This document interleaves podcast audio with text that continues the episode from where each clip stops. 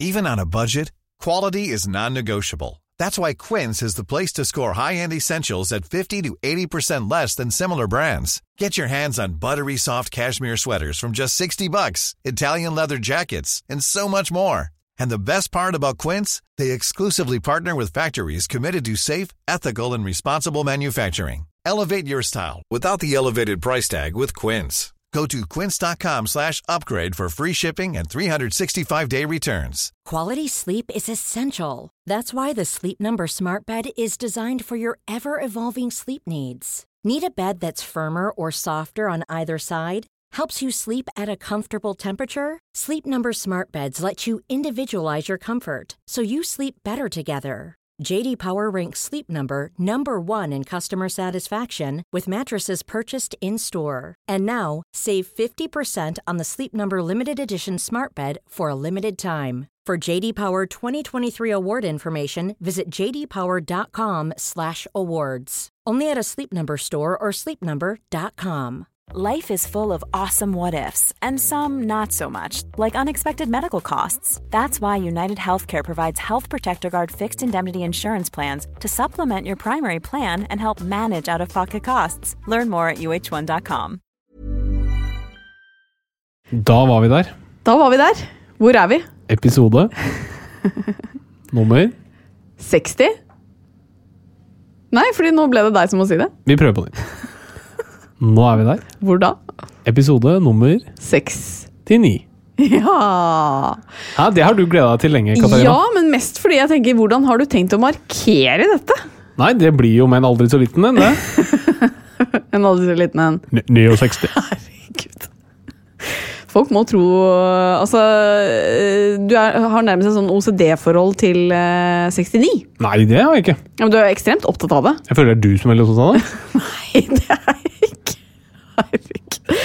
Men fikk du den introduksjonen du hadde håpet på? Eh, nesten. Det Kunne vært enda mer Jeg må bare dempe det litt, for du er så opptatt av det. Du snakker om det hjemme hele tiden.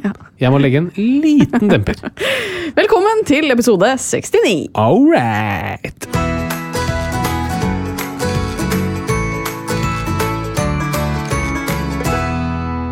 Hei, og så hyggelig at du hører på Åpen journal. Vær så god.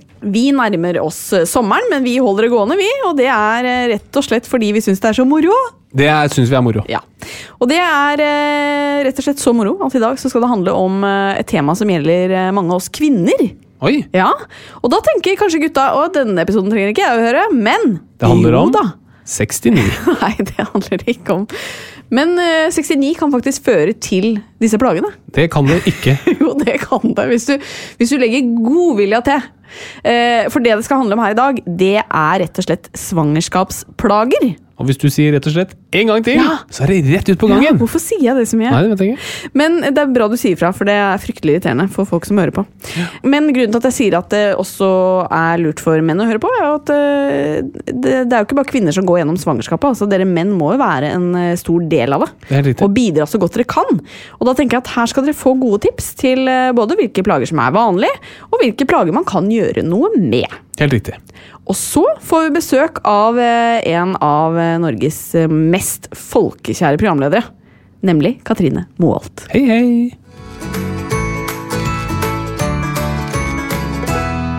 Siden sist så har vi døpt vår lille sønn.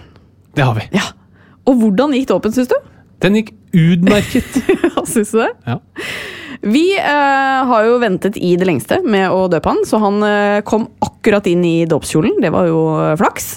Eh, og alt gikk eh, veldig fint, fram til han skulle få vann eh, i hodet, holdt jeg på å si. ja. Han skulle få vann i hodet, som er en viktig del av dåpsseansen. Ja. akkurat den delen hadde ikke du og jeg øvd på. Det er riktig. Så hva gjorde du da? Nei, det må jo legges til at jeg, dagen før dåpen var det utdrikningslag til en meget god venn av meg, som foregikk som utdrikningslag seg hør og bør, med øh, godt å drikke og godt i glasset. Ja. Så jeg var litt sigen Du var litt da sigen. det var 30 grader og jeg sto i en ullbunad øh, i Holmenkollen kapell. Men øh, jeg forholder meg til det presten gjør, Ja. og ber meg om å gjøre. Ja. Så jeg prøvde å dyppe han ned i døpefonten. Men eh, Og så har jeg fått vite etterpå av din eh, bestemor Ja. at eh, barnet skal ligge på ryggen når det døpes. Ja, for han holdt jo på å stupe oppi der, og det hadde jo blitt ja, en morsom historie. Og han var jo ganske godt nedi med luggen, men døpt ble han. Yes. Men da er spørsmålet Er det sånn som Vår Herre bryr seg om? At han ligger på magen og ikke på ryggen? Jeg tror han tar det med stor ro. Ja, For det, din bestemor tok det ikke med stor ro? Nei, men hun vet å si ifra. Ja. Um, og så uh, skal det jo sies at det var fryktelig varmt i kirken, men du hadde løsningen på det også, du? Ja, jeg hadde med en sånn frysebag, fryseelementer, innenfor bunaden. Det vil jeg anbefale alle sammen. Og jeg var jo, ikke sant, Man er jo litt stressa når du skal døpe ungen og få på denne kjortelen nedi kjelleren i kirken. Og sånn, og det du var mest opptatt av, var hvor jeg hadde lagt fryseelementene som du da skulle ha på innsiden av skjorta. Så du kan jo tro at jeg Jeg var jo litt svett i fletta, jeg også. Ja. Men vi kom oss gjennom det. Hadde en veldig hyggelig dåp. Eh, kan egentlig anbefale, hvis noen skal døpe barnet sitt, eh, å gjøre det når barna er litt eldre. For jeg syns det var eh, veldig fint at Bernhard var liksom til stede i sin egen dåp. ja. Hvis du skjønner. Ja. Han lå ikke bare og sov. Nei. Utrolig. Men Eh. du, jo, du går jo med et hedensk barn ganske lenge, som er en, selvfølgelig en risiko. Selvfølgelig. Jeg lurer jeg på, Eh, Vil han da ikke komme til himmelen hvis han mot all formodning banker bordet hadde gått bort før han ble døpt? Det tror Det er jeg. jo ting jeg lurer på. Ja, men det kan du ta med presten. Det skal jeg gjøre. Men det som var fint, var at vi fikk vist fram den utrolig grønne plenen vi har fått. Ja. Ja, for, For den har blitt ganske grønn. Den har blitt grønn. Uh, og jeg har også fått spørs spørsmål på Instagram denne uka fra folk som uh, sliter med plen. Nei. Til ekspert uh, Harald Doble. Er det sant? Ja. Oi. Har du noen tips? Eh, ja. Vann etter gjødsling. Ja, men det sier seg selv. Og så skal den klippes mellom 4 og 7 cm. Ja. Og bruk råvalgkretsklipper. Men eh, du har vært opptatt av litt andre ting også. Eh, og det er jo nesten litt pinlig, men du har vært opptatt av likes på Instagram. Eh, ja. Det er jeg jo ikke så veldig ofte. Men eh, nå har det seg sånn at jeg har fått meg egen manager. Du har fått deg egen manager. Det er veldig deilig. Ja. Da slipper jeg å ta all korrespondanse annet med kona mi, for det kan bli ille mye. Så um, det har hjulpet, lettet mye på trykket. Ja. Men da, og da har jeg blitt tatt inn i Plan Bs management, som er de som lager podkasten vår. Hei, Plan B. Shout-out, Hei- hei, som eh. Jan Thomas sier. Ja, her er en liten shout-out. Og da la de ut på sin Instagram-profil. Nå har vi fått eh, Harald Obla med i, i, blant våre profiler. Ja. Og da er det nærliggende å se hvor mange likes man får. og sammenligne med hvor mye likes andre har fått. Og jeg traff nesten på bunn. Nei, du var ikke på bunn, Men ikke, du var ikke høyt oppe. Jeg var ikke veldig langt unna. Også, men jeg har fått én kommentar på bildet. På, um, og fordi de andre profilene de får sånn 'Hei, velkommen til Plan B-familien' sånn. Jeg fikk én kommentar, og den var fra mamma. ja, det,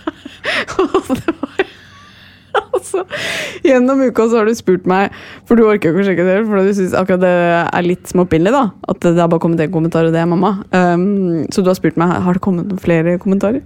Nei. Og så har jeg tenkt sånn, skal jeg kommentere? Men det kan jeg ikke, for det kan ikke være kona di og mora di. altså, Det går ikke. Nei. Men jeg er helt sikker på at uh, etter dette kanskje noen har lyst til å gå inn og gi en liten like eller en Shout-out til meg selv. Men det er litt, det er litt susselig. Ja, litt men så tenker jeg, vi er liksom eh, to Du er 32, jeg er jo litt yngre. Mm. Eh, 31 og et halvt. I, i, to uker til.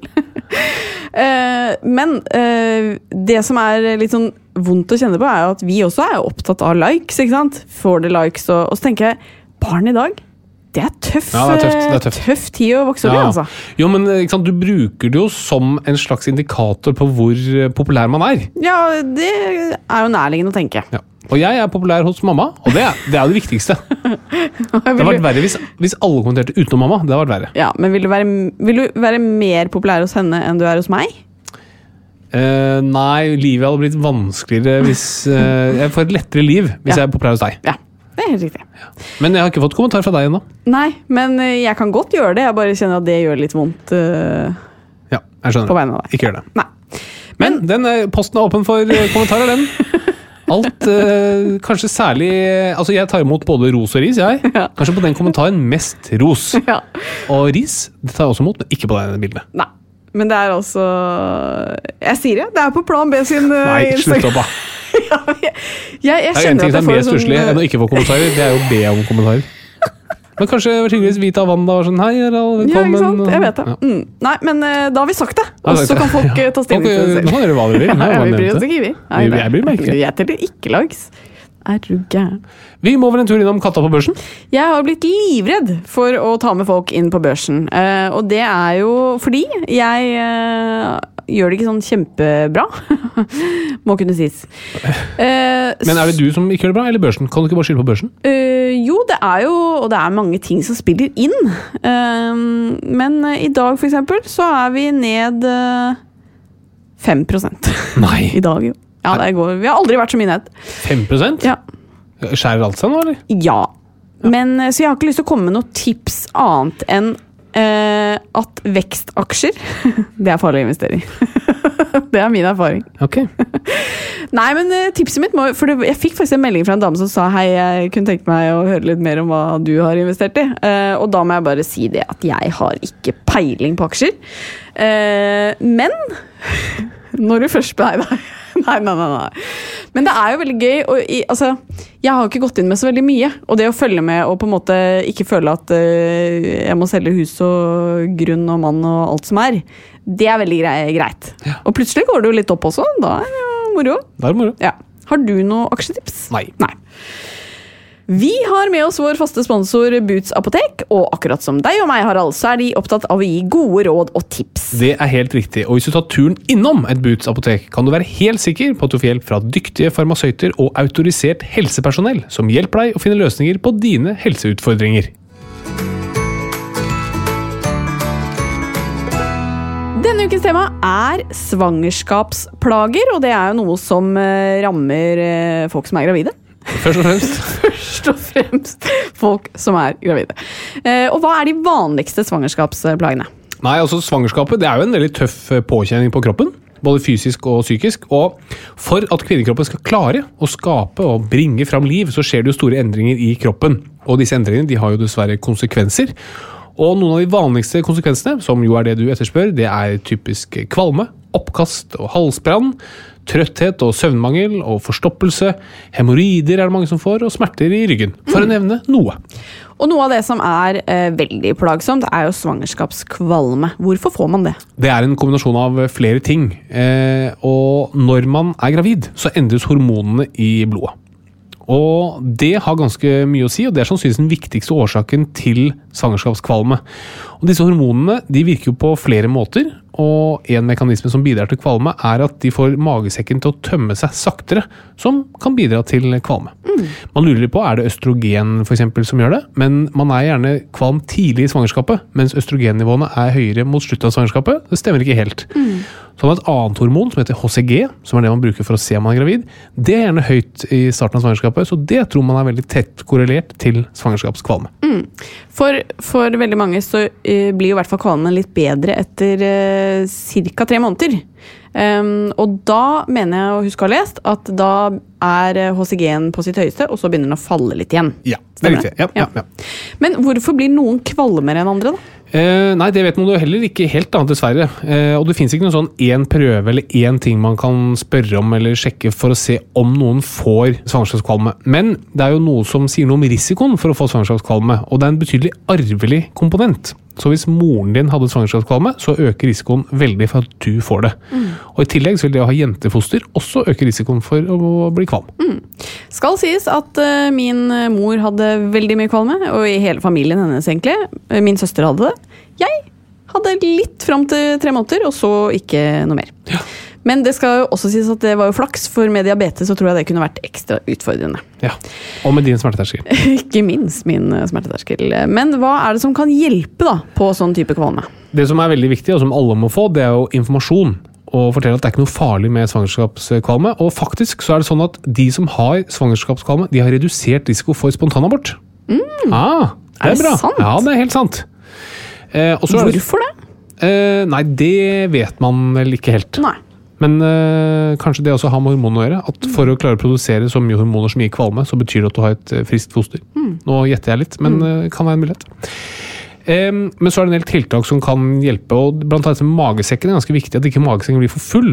Så det å spise små måltider, det å spise og drikke hver for seg, det å unngå ting som gjør deg kvalm, f.eks.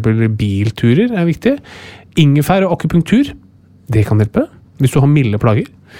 Og så finnes det jo medisiner som antihistaminer og kvalmestillende som man kan bruke hvis man har mer uttalte plager. Og det tror jeg brukes altfor lite. Man skal selvfølgelig være veldig tilbakeholden med medisiner, også i svangerskapet. Men eh, husk på at det er ikke noe bra for fosteret at mor går rundt og har det vondt hele tiden heller. Så er det sånn at Noen er jo så plaget at de ikke klarer å holde på vått og tørt, og da må man legges inn på sykehus. Da kan man få intravenøs behandling. Eh, så det finnes hjelp, og som du sier, uh, oppsøk legen hvis det er for ille.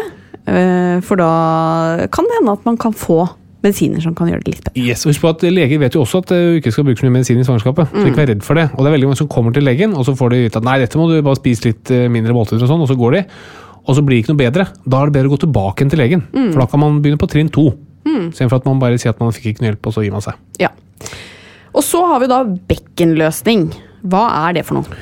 Eh, altså Bekkenet det er en skjelettstruktur som danner en ring. Eh, Skjelettring mellom overkroppen og underkroppen. Og denne skjelettringen den består av flere ben, eller flere knokler, som holdes på plass av stramme leddbånd. Og når man skal føde, så må jo barnet presses gjennom denne skjelettringen. Så det kroppen gjør i forkant, altså under graviditeten, det er å løsne på disse leddbåndene. Sånn at denne ringen blir litt mer slarkete, litt større. da. Og da begynner disse knoklene å gnage mot hverandre. Og det eh, er det som gir eh, bekkenløsning. Ok, det høres jo ikke godt ut. Hva er det man kan gjøre for å hjelpe mot de smertene? Eh, Det finnes heller ikke her noen quick fix, eh, dessverre. Så det beste er liksom å tilpasse hverdagen. Hva er det som gjør vondt? Er det det når du står eller går, eller kan man legge til rette på den måten, eller på arbeidsplassen, sånn at du gjør mindre av det som er vondt. Så er det noen som kan nytte av fysioterapi. Også her kan akupunktur hjelpe. Og så det noe som heter bekkenbelte, som er sånn belte man kan ta på som hjelper å stabilisere, som også kan hjelpe. Og så må jeg bare spørre om akumentur, fordi eh, det er litt eh, uvant at du som lege snakker så eh, varmt om det. Ja, nå snakker jeg ikke varmt om det, nå ser jeg bare hva som har vist klinisk effekt. da. Ja. Eh, og det er jo det som er vanskelig med akupunktur, det er litt vanskelig å måle det mot placebo. placebo. Som er jo, Vi må alltid måle en medisin mot noe annet, eller en, en behandling mot noe annet. Men man har sett det at eh, det kan eh, hjelpe noen til å få mindre plager. Ja. Og da er det verdt å forsøke. Absolutt. Og så Husk på, det, det er legers jobb ikke sant? å finne ut hva som virker. Og så vil altså, ja, men Leger er skeptiske og tror ikke på alternativ medisin. Nei, det er fordi det ikke virker. Men alt som virker, det er vi veldig åpne for. Ja. Og det er ikke noe sånn hvis noen sier at akupunktur eh, Det er ikke mulig å si at noe alltid virker eller noe aldri virker. Men eh, vi må teste det. Og det som viser å ha effekt, det støtter jeg med stor glede. ja. Og det har det altså her. Ja. Så er det jo da eh, ting som kan eh, ramme halsen, nemlig halsbrann, sure oppstøt. Det er ganske vanlig. Hvorfor får man det? Eh, I magesekken så har man jo masse magesyre, og det er veldig viktig, og den er der for å kunne bryte ned maten. Og hvis denne magesyren kommer opp i spiserøret fra magesekken, da får man halsbrann. Det er mekanismen.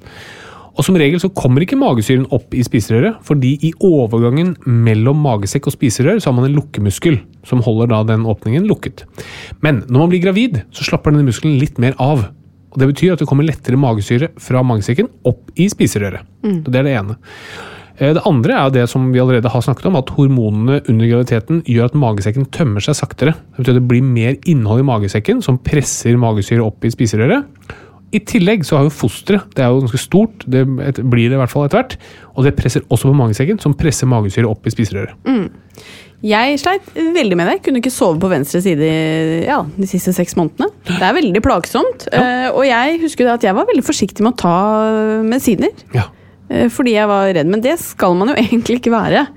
Jeg tror folk, eh, altså Det er veldig bra at du er forsiktig, men husk på at eh, leger og helsepersonell har utdannet seg ganske lenge og vet dette her. da. Mm. Sånn at bare kom med plagene, så kan man heller diskutere det med helsepersonell istedenfor å bestemme seg før man går til dem. Ja. Fordi eh, vi vet også det. Og, altså, jeg slår opp eh, Paracet, f.eks. Paracetamol. Helt fint å bruke under graviditet. Men hver gang jeg gir til en gravid kvinne, så slår jeg opp i felleskatalogen for å dobbeltsjekke. Ja. Og sånn er nok de fleste leger. De er livredde for gravide og livredde for barn. Man er redd for å gjøre noe feil. Da. Men igjen, det å ha en mor som er, eh, ikke har det godt eller stresset, det er ikke noe bra for fosteret. Så må man selvfølgelig finne den riktige avveiningen. Da. Hva er det man kan ta mot halsbrann og sure oppstøt, da? Um, så det ene er jo selvfølgelig å unngå ting som gir økt mengde magesyre. F.eks. fet mat eller røkt mat, steikt krydret mat. Det kan få være plagende. Og så unngå store måltider, fordi det presser mer magesyre opp i spiserøret. Eh, ikke legge seg ned eller trene rett etter mat. Og så kan det hjelpe å heve hodeenden på sengen, for da bruker du som tyngdekraften til å få magesyren vekk fra spiserøret. Hvis det ikke hjelper, ikke kommer i mål med det, da kan man begynne med legemidler. Og da F.eks. noe som heter Gaviscon, og det nøytraliserer syre i magesekken. Og Fordelen med det er at det bare passerer gjennom tarmkanalen. Sånn det, det bare bæsjer du ut. Så det kommer ikke inn i kroppen og kommer ikke inn til fosteret. Så det er helt trygt. Ja, det er godt å Men høre. selv om det er trygt, Ja. så prøver vi jo selvfølgelig konservative tiltak først. Altså uten medisiner. Men det fins medisiner. Og vi er jo inne på det. Fordøyelsen kan jo påvirkes. Hvorfor blir den egentlig preget under et svangerskap? Her er det også hormonene som spiller inn, og de gjør at øhm, tarmen tømmer innholdet treigere. Og da er man mer utsatt for forstoppelse, og som jeg har nevnt, sure oppstøt og kvalme. for så vidt. Kan man gjøre noe med det, da? Ja, det kan du gjøre, og det handler litt om hva man spiser. Mye fiber og drikke godt. eh, Og det holder som regel for de aller fleste til å ikke få noe veldig plagsom forstoppelse. Noe som er veldig plagsomt, er jo vann i kroppen. Uh, hvorfor får man det? Um, Det er litt flere ting. Det ene er hormonene som endrer seg. og de Hormonene de gjør at blodårene lekker mer vann ut av blodårene og inn i vevet. Når det lekker vann inn i vevet, det er det som er hevelse, da, eller vannansamling. I tillegg så får kvinner veldig mye mer vann i blodet under svangerskapet, så du får liksom mer væske som da kan lekke ut. Og et ytterligere bidrag det kommer jo når fosteret blir ganske stort, så klemmer det på blodårer. Som gjør det at det er vanskelig for blodet å komme tilbake til hjertet. Så kombinasjonen av hormoner som gjør at blodårene lekker mer, du har mer vann i, i blodet, og du har et foster som klemmer på blodårene, det gjør at væsken lekker ut av blodårene. Og da får man hevelser. Og hvor får man hevelser? I beina, eller der Ikke sant, I Ja. beina, for det er det laveste punktet. Det er der blodtrykket er høyest. da. Det er som trykker du mest ut av, eh, ut av blodårene. Og det er ganske vanlig. Mm. Det er jeg ikke noe redd for. Men hvis du får mye av det, eller du får hevelser på uvanlige steder, f.eks. i ansiktet, da blir vi litt mer bekymret og må undersøke litt mer. Ok. Og så er det noe som eh, selvfølgelig også er plagsomt, eh, og det er soppinfeksjon eller urinveisinfeksjon nedentil. Er man mer utsatt for det som gravid? Eh, ja, man er mer utsatt særlig for soppinfeksjon, men også litt for urinveisinfeksjon. Og Det skyldes at miljøet i underlivet det endres eh, under graviditeten, bl.a. pga. hormonene. Og så er man jo ekstra obs på infeksjoner, både med sopp eller bakterier, og man har mye lavere terskel for behandling. Fordi man vet at f.eks. urinveisinfeksjon det kan lettere bli en alvorlig infeksjon hos gravide, og man ønsker ikke å utsette barnet for mer stress enn nødvendig. Så hvis eh, skjeden er full av sopp, eksempel, så er det jo det, er det første barnet møter, og det vil man ikke. Behandling finnes for det også, da. Yes, Ja. absolutt. Og så husker jeg jo da selv hvor forsiktig jeg var med å ta legemidler. eh, Og du har vært litt inne på det, men hvor, hvordan skal man liksom forholde seg til det med å ta medisiner når man er gravid? Du skal bare gå til en eh, lege eller en jordmor eller hvem du går til, som du stoler på. Og så skal du vite at vedkommende tar graviditet veldig, veldig, veldig alvorlig. Og så skal man bare stole på at den personen kommer med råd, for man, man klarer ikke å vurdere det selv. Og jeg tror nok man er altfor tilbakeholden med medisiner. Og nå skal det sies at jeg skriver ut veldig, veldig, veldig lite medisiner til gravide, fordi man er så forsiktig. Men jeg tror at man, man har så mye data på en del medisiner og vet hvor trygt det er, at vi er alltid på den forsiktige siden. Men igjen, det å ha en mor som ikke har det bra, det er ikke noe bra for fosteret. fosteret. Så gå til en du stoler på, og ta imot rådene.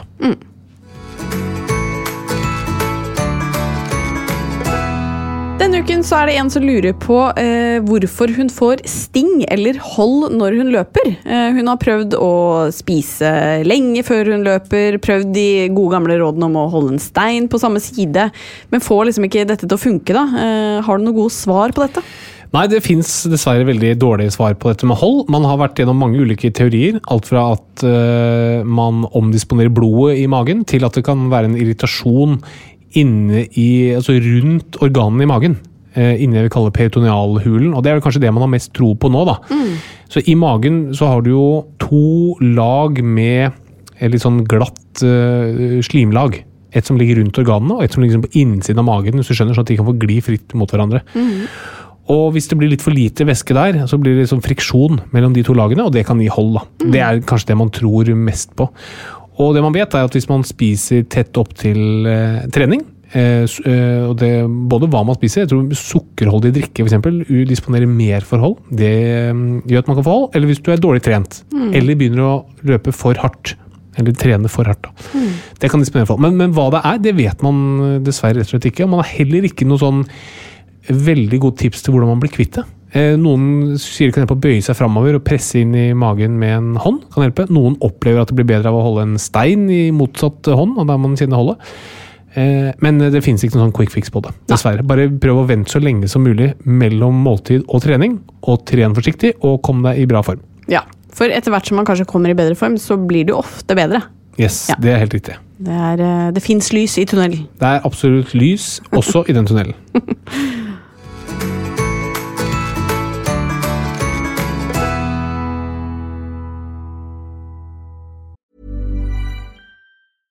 A lot can happen in the next three years. Like a chatbot may be your new best friend. But what won't change? Needing health insurance. United Healthcare Tri Term Medical Plans are available for these changing times. Underwritten by Golden Rule Insurance Company, they offer budget friendly, flexible coverage for people who are in between jobs or missed open enrollment. The plans last nearly three years in some states, with access to a nationwide network of doctors and hospitals. So, for whatever tomorrow brings, United Healthcare Tri Term Medical Plans may be for you. Learn more at uh1.com. Hey, it's Ryan Reynolds, and I'm here with Keith, co star of my upcoming film, If, only in theaters, May 17th. Do you want to tell people the big news?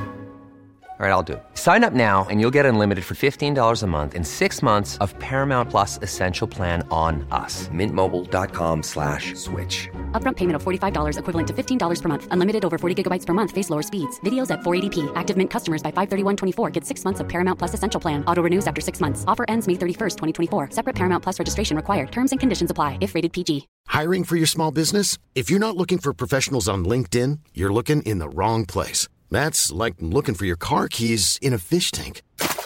LinkedIn helps you hire professionals you can't find anywhere else, even those who aren't actively searching for a new job but might be open to the perfect role. In a given month, over 70% of LinkedIn users don't even visit other leading job sites. So start looking in the right place. With LinkedIn, you can hire professionals like a professional. Post your free job on linkedin.com/people slash people today.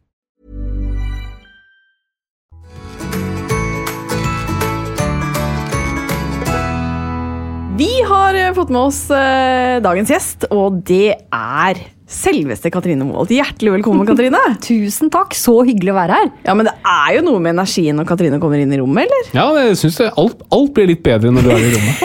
Det var pent sagt. Det var veldig koselig. Men i like måte. Ja, Det er hyggelig å Ja, da. Ja, virkelig. Men det sa jeg jo det- til dere før vi begynte òg. Ja. Deilig energi rundt dere. Men nå var det veldig godt å se deg, for nå var det lenge siden. Kjempelenge siden. Hva har du gjort siden sist? Ja, hva har jeg gjort? Eh, nei, det har jo vært eh, koronaår, da. Ja. Eh, hvor vi lagde det programmet som het Sammen. Som vi satte i gang da når eh, koronaen eh, slo innover landet. Og så tenkte vi at nei, Allsang på grensen får vi sikkert ikke til nå midt i pandemi. Men det gjorde vi. Med 200 stykker som satt på pikniktepper rundt omkring på festningen. Og så tenkte vi at oi, oi, oi, åssen går det med Skal vi danse når folk skal være så tett på hverandre? Men så fikk vi til det òg. Ja. Men tenk, der kjørte vi de siste sendingene uten publikum. Ja. De sto i finalen uten et annet eh, publikum enn Anders, meg og dommerne, som bare joho! Tenk det. Ja.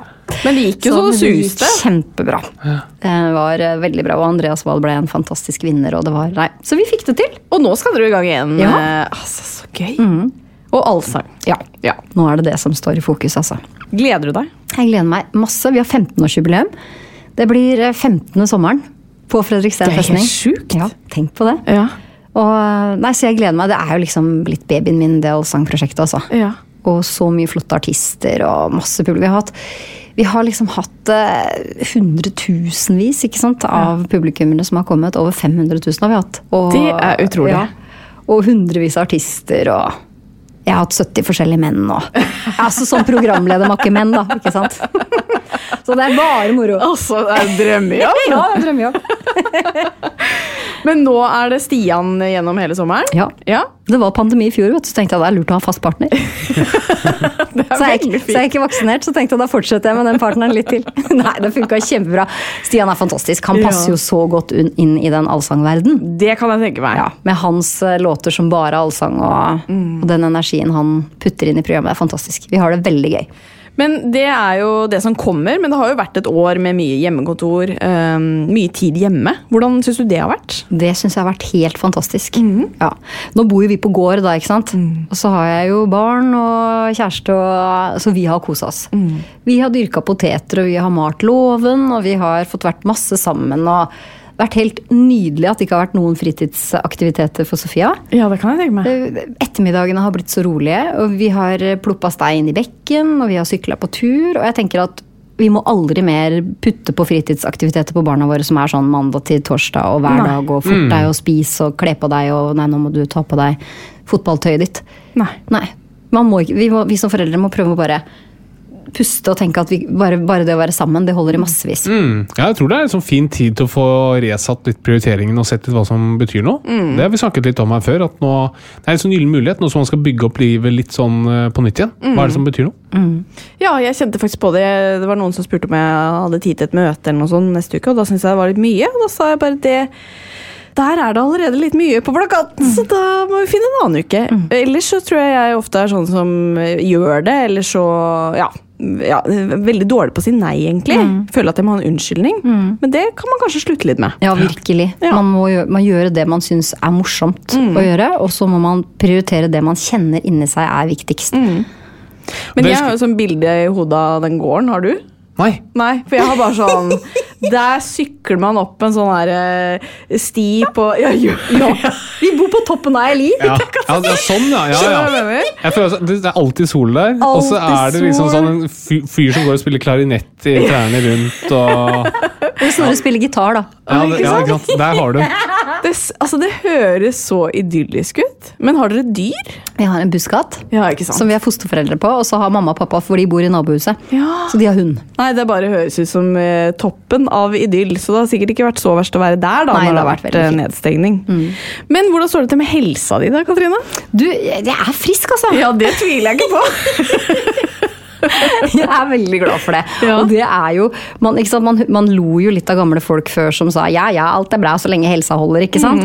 Men, men det er, har jo alt å si, og dere som leger veit jo det. ikke sant? Og Man, man setter pris på å være frisk, altså. Så- Ja, fy søren. Ja, ja, men Ja. nå har man virkelig fått, uh, fått kjenne på det. Og det er som, du får satt ting litt i perspektiv da, i sånne krisetider, og plutselig så har helsen kommet veldig høyt opp på lista. Ja. Det er veldig bra. Ja. Og så tenker jeg det, det er viktig at vi er litt bevisst på å være glad for å kunne stå opp om morgenen og kjenne at man, at man kan det. Tenk alle de som ikke gjør det. Ja, da, ja, at man da er frisk og glad for at man er det.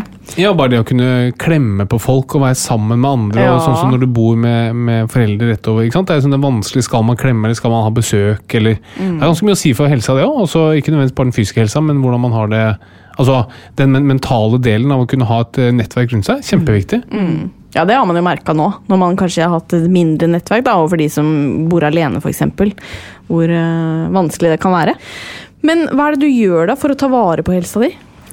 Jeg er nok litt sånn skautroll. Så jeg, ja. Hva er det for noe? Nei, det er, jeg er veldig mye ute i skogen. Ja. Ja, Sofia var så morsom her en dag, for hun sa når mamma vil ha fri fra hjemmet, så går hun ut i skogen. er det sant? Jeg synes det var så morsomt sagt. La fri fra hjemmet, det hørtes jo litt fælt ut. Ja. Men jeg er mye, mye ute i skogen og kjenner at det er veldig deilig. Ja. Så jeg går mye i skauen, og um, ja, det er vel egentlig det jeg gjør. Jeg er ikke på helsestudio og sånne ting, men prøver å holde meg i form med å være ute. da. Ja. synes det er deilig. Ja, det høres jo veldig Og jeg bare får de bildene i hodet igjen. At du går ut døra med en ryggsekk på Hilse på reven og bjørnen. Men er du opptatt av å ikke gå med noe på ørene, f.eks.? Neida. Det kan du gjøre. Det kan jeg absolutt gjøre. Jeg hører masse lydbøker og hører på dere på podkast. Ja, ja, da. Ja, da. Nei, det kan jeg gjøre, men det er jeg, ofte også at jeg tar av fordi det er deilig å høre Altså ta inn alt, da. Men, eh, men jeg tenker at jeg ja, det, det, det, altså Med musikk, for eksempel, så blir jo Ja. naturen enda vakrere hvis du har litt kul musikk. Og, så kan du liksom sette på den musikken som du føler deg i stemning til. Så kan du, om du vil gå litt rocka oppover i skogen der, eller om du skal Så kult. ja. Det var noen naboer som hadde sagt til noen andre naboer at de hadde ja, de hørte Katrine Moe hadde gått og synge opp i skauen der. Og da tenkte jeg bare gud, hvor var de? For jeg hadde ikke sett noe. Men det, så det stemmer nok, det. Ja, går du og synger, da? Ja, jeg gjør det. Og pugger manus og sånn, så jeg snakker Ja. høyt. og det, ja. Ikke bra, vet du. Men det å gå og synge det er ganske sånn tydelig tegn på at man har det bra. Jeg Ja. satt eh, på hjemmekontoret her forleden og så hørte jeg noen som gikk ut og sang ut. Og jeg tenkte sånn, faen, hvorfor er du så glad? Eh, men det er som man kan tenke litt over. At, eh, for det er sånn litt unorsk ved det også. For det er sånn så flaut å synge med. Gå rundt og synge, da, har man det, da er man i vater. Ja, det er nok sant, ja. Du er ikke typen som Det er veldig sjelden jeg går og synger. Jeg er jo en lykkelig type, da, men det er sånn sjelden jeg går og synger for meg selv. Men Ja. kanskje jeg skal bli flinkere til. Jeg må bare begynne å smile mer når jeg går, for jeg har det man kaller et resting bitch face. Så hvis jeg slapper av i ansiktet, så ser jeg fryktelig sur ut. Men eh, det er sånn jeg har tenkt på etter jeg selv fikk barn. Nå snakket vi litt om det før vi skrudde på rekk-knappen her, men eh, man forandrer seg litt når man får barn. Men det jeg tenkte man kunne prøve å få til som en sånn global regel, at man alltid skal smile til barn. Det synes man kan gjøre. Det prøver jeg alltid å gjøre. Ja. Så jeg ser en liten unge bare sånn, bare sånn smile. Viser liksom at man er eh, At verden er et fint sted å være. Ja. Og det er en annen, riktig. En annen ting som en, psykiater fortalte meg en gang på studiet. At eh, Husk på det at når et barn blir født, så de, de, de vet jo ikke hva de kommer inn i. Så det er, sånn, det er jobben din å lære at dette er et trygt sted å være. Og Det gjelder selvfølgelig for egne barn, men man kan også ta som felles ansvar for alles barn. da. Bare vise at du, her er det fint å være. Jeg kjenner ikke deg, men jeg er en hyggelig type. For her er det et flott sted du har kommet. Ja, og det, er var veldig fint. Ja, det var veldig fint. Men det jo, jeg har også kjent på det noen ganger hvis jeg er stressa og på vei et eller annet sted, og så går man forbi noen barn som plutselig vinker til deg, eller sier hei. Og da blir jeg tatt liksom litt sånn Oi! Nei, nå må jeg eh, smile tilbake. Altså, fordi man kjenner at du er liksom Du er ikke en fin versjon av deg selv når du haster forbi eller er litt sånn åh, knuffete, da. Så barn er jo bare alltid liksom blide og fornøyd mot eh, Det er så fint, da. Ja. Ja, og til dere som hører på, Vi snakket litt om barn før vi gikk på her, da, og det var liten tvil om at eh, vi er veldig glad i barn. Ja, Ja, barn er jo fantastiske. Nå er, det, nå er det sommer og sol, og det er varmt ute. og Vi prøver å ha liksom Bernhard da, ute i hagen, og der ligger han med de valkene og den litt sånn sigende stumpen. ikke sant? Altså, og han, bare, han elsker det, liksom. Han bare har så mye selvtillit selv, og det er helt fantastisk Ja, å det er det, altså. Det er veldig fint. Men eh, apropos barn, så har vi jo snakket litt om svangerskapsplager før du kom, og mm, det hadde du litt av. Ja, ikke så reint lite heller. Jeg hadde hyperemesis gravidarum. Mm. Det er et veldig fint ord. Det er et veldig, veldig Vi pleier å si hyperemesis gravidarum, pleier vi å si hjemme hos oss. For det syns vi er veldig morsomt. Men eh, ja, det er altså ekstrem svangerskapskvalme. Ja. Jeg var kjempesjuk. Har du hatt det med Eh, alle? ja. ja. Men jeg ble mindre sjuk med sønnen vår enn jeg ble med de to jentene. Ja, men det er vanlig, det. Kvinne- eller jentefoster gir gjerne mer kvalme enn guttefoster. Men Betyr det at, at man har mer svangerskapshormoner hvis man bærer et jente... Man vet ikke, man har liksom lurt på om det har noe med østrogen å gjøre, men eh, man vet ikke helt hvorfor det er sånn. Man bare vet at det er sånn. Ja, for, det, for, da, for med Markus, da når jeg var gravid med han, var jeg veldig dårlig. Jeg kasta opp mye. Men jeg hadde en eller annen form for energi, så jeg klarte å gå på jobb og sånn. Så jeg kjørte bil, stoppa, kasta opp. Satt på toget, kasta opp, og så inn på jobb. Men jeg, mens med jentene så var jeg helt Altså, da hadde jeg ingen energi. Nei. Og bare kasta opp. Hele tida. Det var akkurat som kroppen min opplevde det å være gravid som en forgiftning, liksom. Ja. Så da, og da måtte jeg jo legges inn. Eh, andre gangen, da. Med, altså med Evelina var jeg dårligst av alle. Ja. Så da måtte jeg legges inn og få intravenøst, og da fikk jeg jo ikke gi meg noe næring. Men det var ikke sånn at du var redd, gruet du deg veldig til å bli gravid tredje gang? Altså, for du visste Nei, da, da, det var jo en overraskelse. Så det var, men, jeg, men jeg har jo alltid ønska meg flere barn. Ja. Så jeg tenker jo at det var jo bare kjempegøy. Og jeg, jeg grudde meg ikke, for jeg er jo litt sånn født optimist. Jeg tenkte at nå går det sikkert bedre denne gangen. Man trenger jo ikke ha det hver gang, tenkte jeg. Men det hadde jeg, da. ja. Men var det i ni måneder? Ja, altså det, det, det varer lenge. Eh, og jeg kasta opp i ni måneder, men jeg fikk igjen energien kanskje sånn rundt sjuende måned. Da var det sånn at jeg klarte å jobbe. Så jeg gjorde jo allsang den sommeren. Hun er født i august, så jeg gjorde liksom jeg allsang fram til to uker før jeg fødte henne. Oi. Men da var det sånn jeg kasta opp når jeg kom på hotell igjen og sånn. Ja. Men, men du har i hvert fall en viss orker å være oppe, da. Ja, kan du prøve, for jeg, det, Jeg hadde ikke den eh, type kvalme. Um, kan du prøve å beskrive liksom hvordan dagene er? For for meg så høres det ut så merkelig at man klarer liksom, Så kaster man opp, og så tar man toget videre. Fordi hvis jeg kaster opp øh, og er dårlig i magen, på en måte, så ligger jo jeg flatt ut. Det var sånn jeg var de to siste gangene. Altså. For, for med Markus, og da jobba jeg på Nationaltheatret. Så da tok jeg toget fra Jessheim og inn til Nationaltheatret. Kjempesjuk. Men det, altså, ja, da klarte jeg liksom å være oppegående, kaste opp og fortsette, men jeg var kjempesjuk. Men med jentene, da var det null energi. Da var det helt sånn, Og det er jo litt sånn Det er en veldig rar ting, for du går fra å være frisk og med energi til plutselig å skulle bli gravid, men så altså, har du ingen krefter. Du bare ligger. Og jeg husker et, et sånt bilde på det var at um, jeg lå i sofaen. Det var når jeg gikk med Evelina. Og så lå jeg og så på en plante som sto på en hylle litt bortpå på veggen. liksom. Og så så jeg at den planta hadde et brunt løv. Eller brunt blad. Og så tenkte jeg det er oppgaven i dag, å få tatt det bladet. Og det ble en sånn der besettelse. Jeg lå og så på og tenkte at kommer jeg til å klare å reise meg opp Nei. og ta vekk det bladet? Men det var, lå i ukevis. Klarte ikke. Så måtte jeg liksom komme meg på do, og hvis jeg tissa da, og, og, og liksom nesten ha hjelp til å komme meg tilbake igjen. Altså, ingen krefter. Jeg var helt Og kaster opp, da. Jeg kaster opp og kaster opp. Ja. Så det er, det er en fæl diagnose, og så er det jo forska så lite på. Ja. For det er, jo, det er jo egentlig ikke farlig, og så er det også sånn at det er jo noe du blir kvitt. Etter ni måneder så er det jo over. Ja. Så man veit, som du sier, man veit jo liksom ikke hvorfor det blir sånn. Var det noe som hjalp? Ja, altså det, det, som, det var jo i 99 dette jeg fikk det virkelig ille, da. Hvor jeg ble lagt inn og sånn med Velina. Så var det isolasjon som gjaldt. Jeg vet ikke om det gjelder fremdeles. På sykehus, at det er det de behandler med. Isolasjon? Ja. det har jeg ikke hørt om. Nei, da, altså Du blir lagt inn da med drypp, da, selvfølgelig, for da er du jo dehydrert og ketoner i urinen og hele den pakka der, så du får jo drypp. Du ligger på drypp, og så skal du bare være aleine på et rom, helt mørkt, uten noe inntrykk. Helst skal du ikke spise engang, skal bare få Og da roer det seg litt. Så når jeg hadde ligget inne en stund, så kunne jeg fortsette med det hjemme. Og da ligger du inne på et mørkt rom, og så blir du kvalm av alt. Du kan ikke se på TV, ikke høre radio, ikke høre lydbok. Mm. Kommer noen inn og begynner å snakke til deg, så begynner du å kaste opp. For da alle inntrykk blir bare helt sånn Du blir kvalm av det. Det er, så, det er en så Ja, rar diagnose. Ja.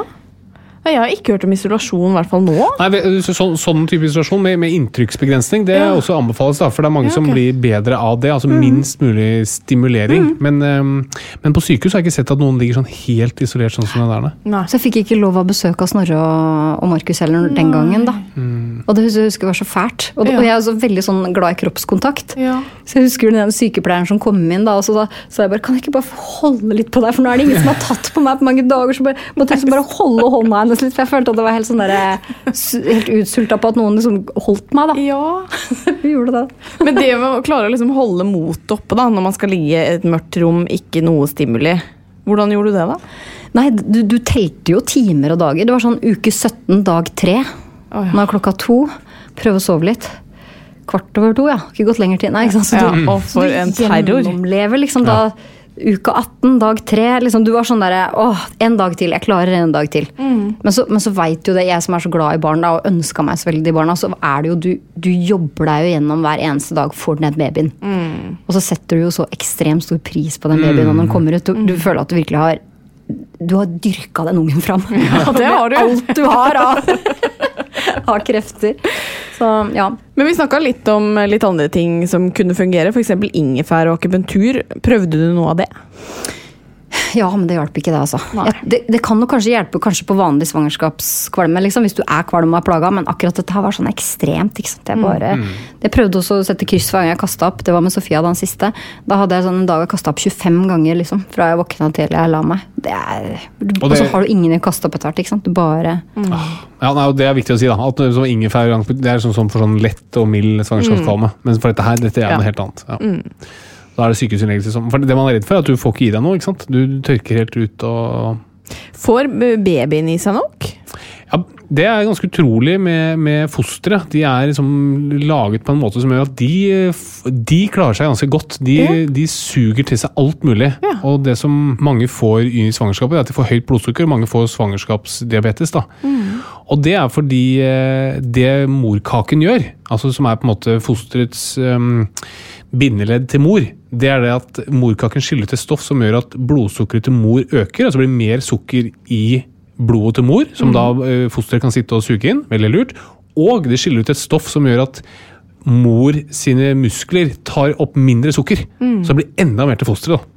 Så der er det masse gode mekanismer. Så det er liksom, eh, det er gjerne mor man er mest redd for, for fosteret det klarer seg. For Ja. å si det litt, sette det litt på spissen, da. Men, eh, ja. Ja, for kan jeg spørre, Da de kom, var de eh, store eller små? Eller, ja? Helt uh, Markus var 3750 og ja, ikke sant? Ja. Sofia, Sofia var den minste, for da fikk jeg svangerskapsforgiftning på slutten. Så hun måtte ut litt uh, før, så hun var 2800, da. Men helt frisk og fin, og ikke noe, så de fikk det de trengte, og det sa de til meg på sykehuset. For jeg tenkte jo bare hva skjer med ungen nå når jeg er så dårlig, liksom. Men da, de, de tok det de skulle. Og med Sofia så, så trengte jeg ikke å legges inn heller, for da tenkte jeg nå skal jeg bare bruke det jeg lærte. Spise og drikke alt jeg kan. Så jeg liksom kaster opp og spiser og kaster opp og spiser. Og så la jeg meg på et mørkt rom. Og da var jo Evelina og Markus 14 og 17, så de var jo på skolen og sånn, så jeg kunne ligge da bare og ruge på denne lille attpåklatten. Heldigvis er det verdt det. Ja, det er så verdt det. Det er så verdt det. Og, og det går over, for du begynner jo å lure på det. òg. liksom når du har ligget i månedsvis og bare vært kvalm, så tenker du dette kommer jo ikke til å gå over. Nå kommer jeg til å være kvalm resten av livet. Du tror jo det. Ja. Selv om du, for det, liksom, du, det, det er det eneste du kjenner til eh, til slutt, ikke sant? Ja. Og kvalme er grusomt, altså. Kvalme det er ganske er tett så opp til smerte på hva som er eh, verst å være utsatt for. Ja, det er jo ingenting altså du, som, Det er jo ikke noe digg å sitte og se på TV. Det er jo ingenting som hjelper. Det er jo bare vondt. Men det ble bra med en gang du fødte. Ja da, absolutt. Da forsvinner det med en gang. Det er merkelige greier. Men bruker du det noen gang mot barna dine? Si sånn, du husker at mamma var veldig kvalm, så nå må du være ekstra snill. Nei, det har jeg faktisk ikke gjort. Men det kunne jeg. Men det er veldig søtt. Markus på 25 da, han pleier jo å si det sånn barndomslyd for han er hvis jeg kaster opp. Da er det sånn, det er sånn, han var jo da tre år når jeg øh, fikk Evelina, så han har sånn god barndomsminne at liksom, det er trygge følelser. Sånn, er sånn, oppkastlyd. Det er veldig gøy. Ja, mamma kaster opp, da er det koselig. Altså. Da er det Så kjenner du sånn skikkelig barndomsminne, det er sånn trygt. Men annet enn det, for det er jo eh, Det er jo veldig lenge å være dårlig. Har du liksom vært frisk gjennom eh, livet? Jeg har det, altså. Heldigvis. Du ser veldig frisk ut. Ja, veldig. Ja. Det er bra. Mye glød. Ja, det er godt. Ja, Det er godt. glød Ja, er det vil jeg virkelig si. Eh, og hvis du skulle komme med liksom ett tips til folk, da, hvordan du tar vare på helsa, hva er det beste man kan gjøre? Gjøre ting som man blir glad av, tror jeg. Eh, og så komme seg ut i naturen. Jeg tenker at eh, Helsestudio er bra, altså, men den der 3D-effekten av å komme seg ut og gå litt blant trærne og høre litt på fugla, og sånn, det er eh, mye god helse i det, tror jeg. Det burde vi gjøre mer. Ja, nå får du treningsrom i kjelleren Ja, for- for å slippe å gå ut i det hele tatt.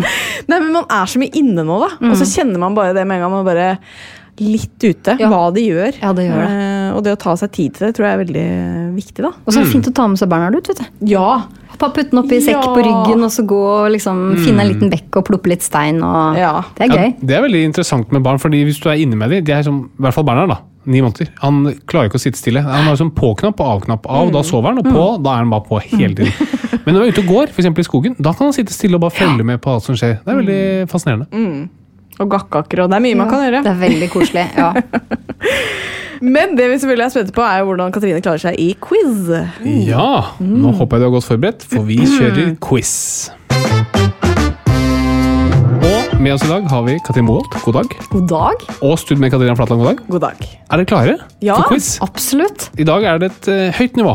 Oi. Oi! Ja. Vanskelig? Er vanskelig? Ja. Nei, det er ikke så vanskelig. Eh, dette forventer jeg at du kan, uh, Stud med Flatland. Det er alltid et dårlig utgangspunkt. Så håper jeg at eh, du kan eh, dette, eh, frøken Moholt. Eller fru Moholt? Frøken. Ja, det er Fru frøken fuglesang, det kan bruke, bruk det som passer. Hvilket ord starter med deg. Hvilket ord bruker man om tid for et fullgodt svangerskap? Eh, altså, ja, det er 40 uker, da. Ja, men er det, et, ord, vi har for liksom Et datoen fullgodt. eh, dette- Og termindatoen! Ok, Katarina? Ja, termin. Ja, det er helt riktig. Ja, ja. Veldig bra. Veldig bra. Ja, man var overtenker, Ja, det var, ikke sant? ja, det var, det. er ja, helt enig. Og da starter vi med deg, Katarina. Ja. Hva bruker man til å fastslå termin? Uh, det bruker du siste dag av Nei, første dag av siste mens. Uh, ok, Katrine. Det er også en urinprøve, da, hvis du skal være helt sikker. Ok, Det er helt riktig med første dag i siste menstruasjon. Det er det første man gjør. Men og så kommer det et tidspunkt i svangerskapet hvor du får et enda mer nøyaktig Ja. estimat. Og da sier du, Katrine, du sa urinprøve. Ja, eller, ja, da, altså, da får du vel ikke noe estimat kanskje på når babyen skal komme. U ultralyden forteller deg jo Ultralyd, da. I uke 18 er det jo veldig vanlig at alle får, og så kan du gjerne ta litt før da, hvis du er ekstra nysgjerrig, eller hvis du er over 38. Veldig bra. Kat er du enig? Ja. Ok, Da er det spørsmål, hva er det du ser på på ultralyden? For å finne ut når den eksakte termindatoen er. Da tror jeg du ser på lårbenet til babyen for å se hvor langt det er.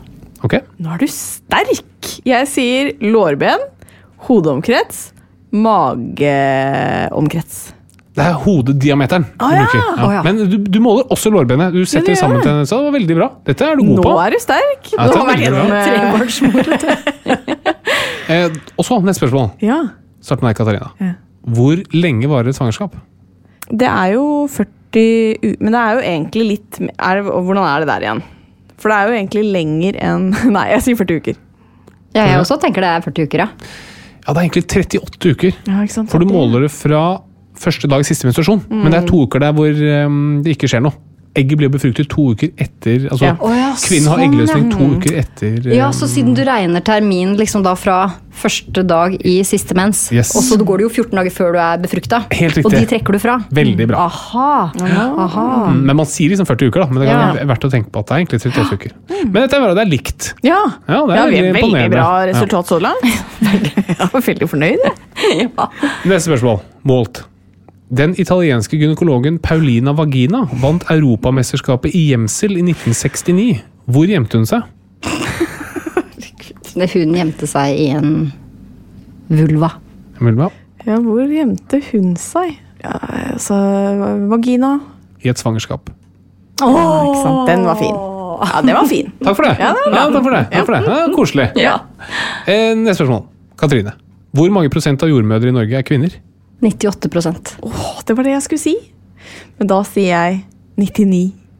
99,7! Nei, det er sant Ja. Og det er ja, Ja, det er mange. sant. Mm. Det er eh, preget av et kvinnedominert Jeg tror det eh, er 22 menn og 6700 kvinner. eller noe sånt. Kan ikke skjønne at det ikke er flere menn som har lyst til å være med på det. Enig. Jeg fatter ikke. Nei, jeg tror det er veldig, jeg tror det er ekstremt spennende. Men det ene er jo navnet, jordmødre. Og så tror jeg også det handler litt om at um, når du ikke skal gjøre det selv, eller har gjort det selv, altså da kanskje det kan være vanskeligere for en mann å si liksom 'kom igjen, pust med magen', kontra når det er kvinne og kanskje til og med har gjort det selv. Tror dere på det? Ja, jeg vet ikke, men det er veldig mange menn som er gynekologer. Og Ja. Da er du jo oppe og roter i noe du ikke har vært borti. Ja da, det er helt sånn. Eller de har forhåpentligvis vært borti. Men du kjenner ikke er likevel. Ikke sant? Jeg er helt enig. Eh, Men så tenker jeg sånn, ja, for det er jo mange fødselsleger som er menn. Ja, det er riktig. Så hvorfor, eh, hvorfor vil de være fødselsleger og ikke liksom, Nei, det er et godt, veldig godt poeng. Ja. Kjøper den. Kjøper den. Og da kommer vi inn på neste spørsmål. Ja. Katarina, hvordan kommer jordmødre seg på jobb? Altså, Hvordan kommer de seg til jobb når det ikke haster? Åh, skal vi se her, Hva kan det være morsomme ordspill, da? Jeg vet ikke. Mål? Nei, det er nei. Nei. De tar obstetrikken. Den er fin. Den er også fin. er du sterk. Ja, tusen takk. tusen takk. Det er Har du virkelig funnet på dette sjøl? Utrolig nok. Ja, Du får ikke kjøpt det her, altså. Nei, det er- Dette er eh, prime, prime quality. Ja, det er bra. Um, Katrine, hvor mange svangerskapskontroller har man i løpet av et normalt svangerskap? Å nei, guri malla, hvor mange er det, ja? For du er jo på sånn, Det er jo en gang i uka på slutten og sånn. Er du ti, da, kanskje? Katarina? Jeg tror det er færre, altså. Jeg tror det er eh, Er det seks, da? Åtte! Åtte, ja. Oi, midt imellom! midt imellom. Ja. Da leder fortsatt um, Katarina. Ja, for jeg tok Med et 99, poeng. Ja, du tok eh, 99,7. det gjorde du. Og det er ett spørsmål igjen. Oi! Og da får man tre poeng på den her, da. Oi, oi. Starter med deg, Katrine. Hvorfor har barn som fødes feil vei, ofte dårligere råd enn andre? Ja, det er fordi de kom med rumpa først, da, så de, det må jo være noe med det, da. Mm. Um, nei, det vet ikke. Nei, jeg vet ikke. De har betalt seteleie. I alle dager. Den var, den var seig. Vi, vi, vi, begynte bra, avslutta okay, trått. Ja, men de, de andre gangene så har det gått trått hele veien. Så dette, Ja, det er her, er, dette er jeg ganske fornøyd med. liten. Men da var det du som vant, da, Yes! Katarina. Ja. Gratulerer. Ja, det, var, Gratulerer, det var ikke med var- mange prosentene jeg tok deg på der. Men det var deilig, kjente jeg. Ja, det skjønner jeg godt. Eh, Veldig deilig. Eh, Før vi avslutter, så pleier vi alltid å få et eh, lite tips til eh, Bernhard. Eh, Katrine, hvordan tenker du at Bernhard kan bli en eh, fin og snill fyr? Mm. Jeg tenker at han må ha det gøy hver eneste dag. Og så må han eh, gjøre ting som gjør han glad. Det er veldig opptatt av det, mine barn. At de skal ha det hver dag. Vi vet jo ikke hvor langt livet er. så Vi må bare prøve å ha det sånn. Og så må vi som foreldre prøve å ikke ta ting så høytidelig. Det går bra. Trenger ikke å vaske huset. altså vi la, la det liksom flyte litt, og la oss kose oss sammen isteden. Og så prøv å leve sakte. Jeg tenker, det, det tenker jeg som er trebarnsmor og har to voksne og nå ei på sju. Så tenker jeg vi må prøve å leve litt saktere. Jeg er så glad i livet. Syns det er så gøy å følge med på det som skjer. tenker jeg Vi må leve saktere. Kanskje prøve å legge fra oss telefoner og nettbrett. Og være mer til stede i dette livet. For jeg tror vi blir så slitne, og jeg tror livet kom, går dobbelt så fort hvis vi skal leve livet vårt både på sosiale medier og i det virkelige livet. Så leve saktere og ha det gøy. Og det var fint. Det var veldig bra.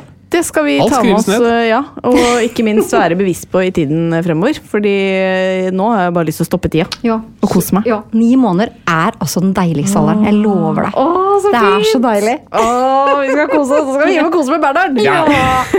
Tusen takk for at du kom, Katrine. Det var så koselig. God sommer, og kos deg med allsang. Tusen takk. Riktig god sommer til dere òg. Vi er tilbake neste uke. Det er vi. Ha det! Ha det. Ha det. Plan B. Planning for your next trip? Elevate your travel style with Quince. Quince has all the jet setting essentials you'll want for your next getaway, like European linen, premium luggage options, buttery soft Italian leather bags, and so much more. And is all priced at 50 to 80% less than similar brands. Plus, Quince only works with factories that use safe and ethical manufacturing practices. Pack your bags with high-quality essentials you'll be wearing for vacations to come with Quince. Go to quince.com/pack for free shipping and 365-day returns. Mom deserves the best, and there's no better place to shop for Mother's Day than Whole Foods Market. They're your destination for unbeatable savings, from premium gifts to show-stopping flowers and irresistible desserts. Start by saving 33% with Prime on all body care and candles. Then get a 15-stem bunch of tulips for just $9.99 each with Prime. Round out Mom's menu with festive rosé, irresistible berry chantilly cake, and more special treats. Come celebrate Mother's Day at Whole Foods Market. Imagine the softest sheets you've ever felt. Now imagine them getting even softer over time. That's what you'll feel with Bowl and Branch's organic cotton sheets. In a recent customer survey, 96% replied that Bowl and Branch sheets get softer with every wash. Start getting your best night's sleep in these sheets that get softer and softer for years to come. Try their sheets with a 30-night guarantee. Plus, get 15% off your first order at bowlandbranch.com. Code BUTTERY. Exclusions apply. See site for details.